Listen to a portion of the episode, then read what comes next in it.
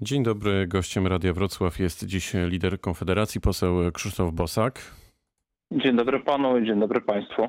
Panie pośle, premier Mateusz Morawiecki poinformował, że Czesi zgodzili się wycofać wniosek do Trybunału Sprawiedliwości Unii Europejskiej i jesteśmy bliscy porozumienia. Czy to zamyka sprawę, pana zdaniem?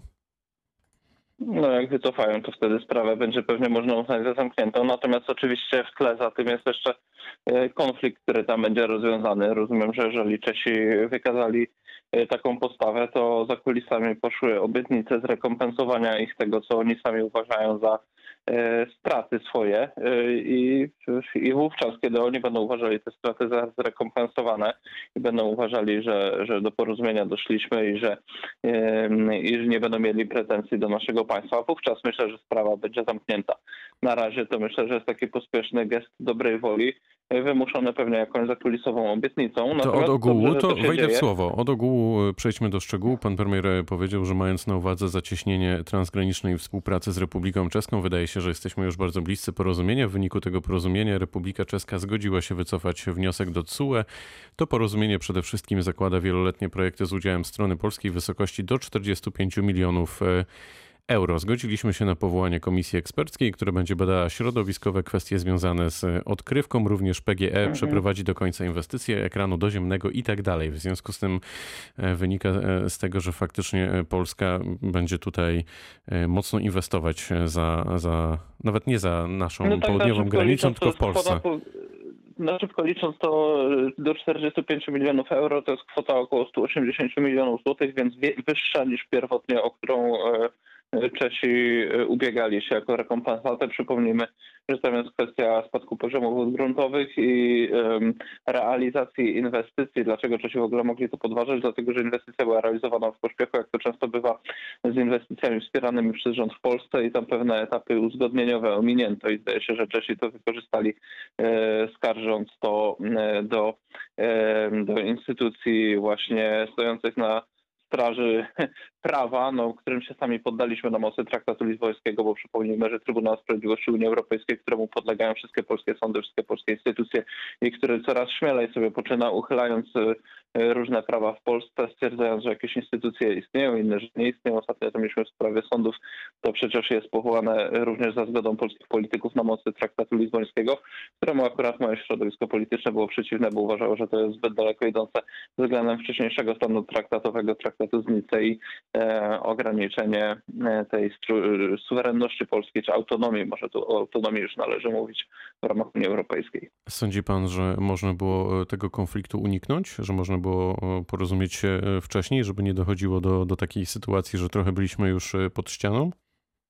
No, Wydaje się, że tak. Wydaje się, że tak. Natomiast e, jak dokładnie sytuacja wyglądała, to by trzeba zaprosić do wywiadu e, dyplomatów, e, którzy pracowali przy tym konflikcie, czy jakichś dyrektorów, czy prezesów, czy byłych członków zarządu PGE, żeby oni opowiedzieli o kulisach tej sprawy.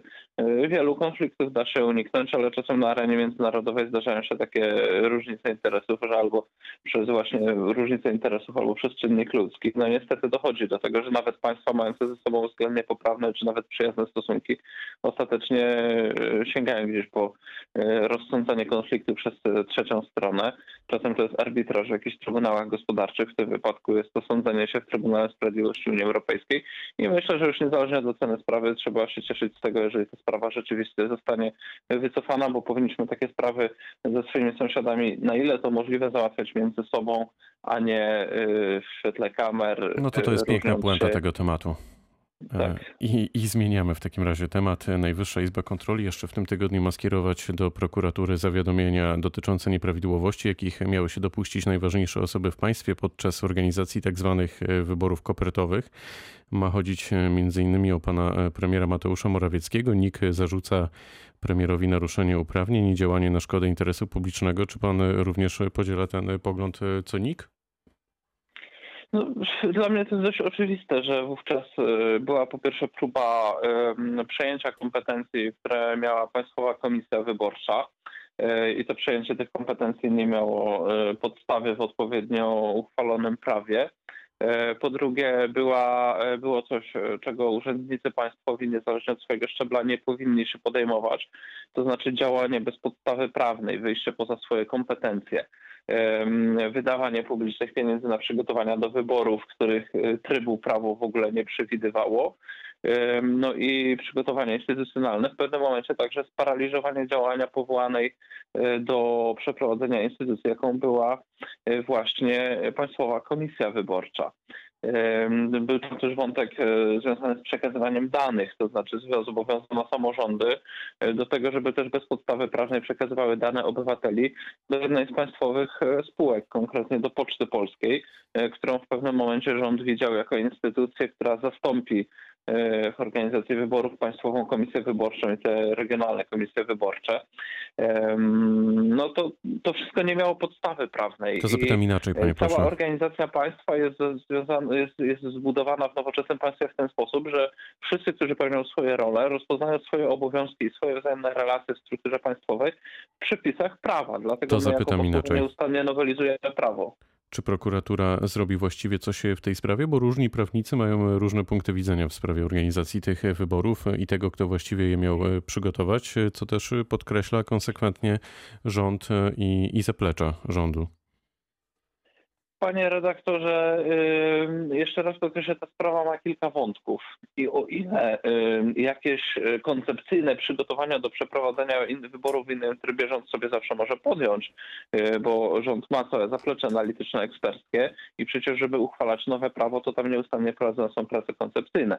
To czym innym zupełnie jest prowadzenie prac koncepcyjnych, a czym innym jest już wydatkowanie publicznych pieniędzy, paraliżowanie normalnego procesu wyborczego, czy zarządzanie od samorządów częściowo skuteczne przekazywania danych do instytucji do tego niepowołanej. Także moim zdaniem tutaj możemy mówić, że się działo kilka rzeczy równolegle. I ja szczerze powiedziawszy nie widziałem ani jednego prawnika, który by tego wszystkiego bronił.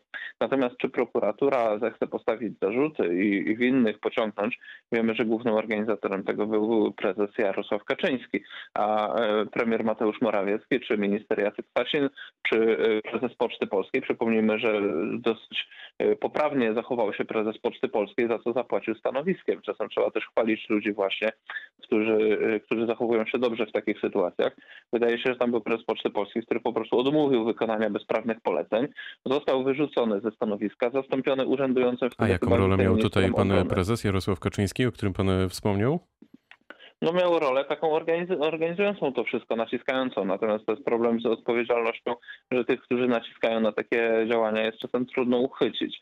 E, Także y, oczywiście ja się nie spodziewam też, że prokuratura w tej chwili zrobi jakieś szybkie y, śledztwo i postawi zarzuty, no bo wiemy, że prokuratura jest y, kontrolowana przez ministra Ziobrę, który jest częścią tego rządu i, i częścią tego obozu politycznego. E, Natomiast ta sprawa będzie pewnie wykorzystywana wewnątrz obozu rządzącego do wzajemnych rozgrywek. Wiemy, że minister Ziobro e, nie lubi się z premierem i w związku z tym może to wykorzystywać w jakiś sposób do osłabiania pozycji premiera. Zmieniamy temat. Unia Europejska chce międzynarodowego śledztwa w sprawie lądowania samolotu Ryanair w Mińsku, ale czy poza słowami, komentarzami polityków i tym ewentualnym śledztwem ktoś ma szansę wpłynąć na prezydenta Białorusi? No z pewnością cała Unia Europejska, gdyby sobie to zdecydowanie postawiła za cel, to jakoś e, w pewnym zakresie wpływać by mogła. Mm, Natomiast e, obawiam się, że A będzie to robić? celu nie ma. Obawiam się, że takiego celu nie ma. Być może irytacja będzie po stronie niektórych państw unijnych. Natomiast Unia Europejska, to trzeba powiedzieć słuchaczom wyraźnie, y, jest organizacją politycznie niesterowną. To nie jest tak, że Unia Europejska w jakiejkolwiek sprawie, dotychczas gorącej sprawie po reformie, przypomnę jeszcze raz traktat lizboński.